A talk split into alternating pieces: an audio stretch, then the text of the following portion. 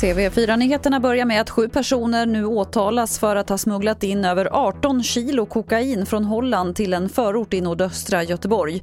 De flesta greps vid en insats i höstas och har suttit frihetsberövade sedan dess. Och polisen kom dem på spåret bland annat med hjälp av Encrochat.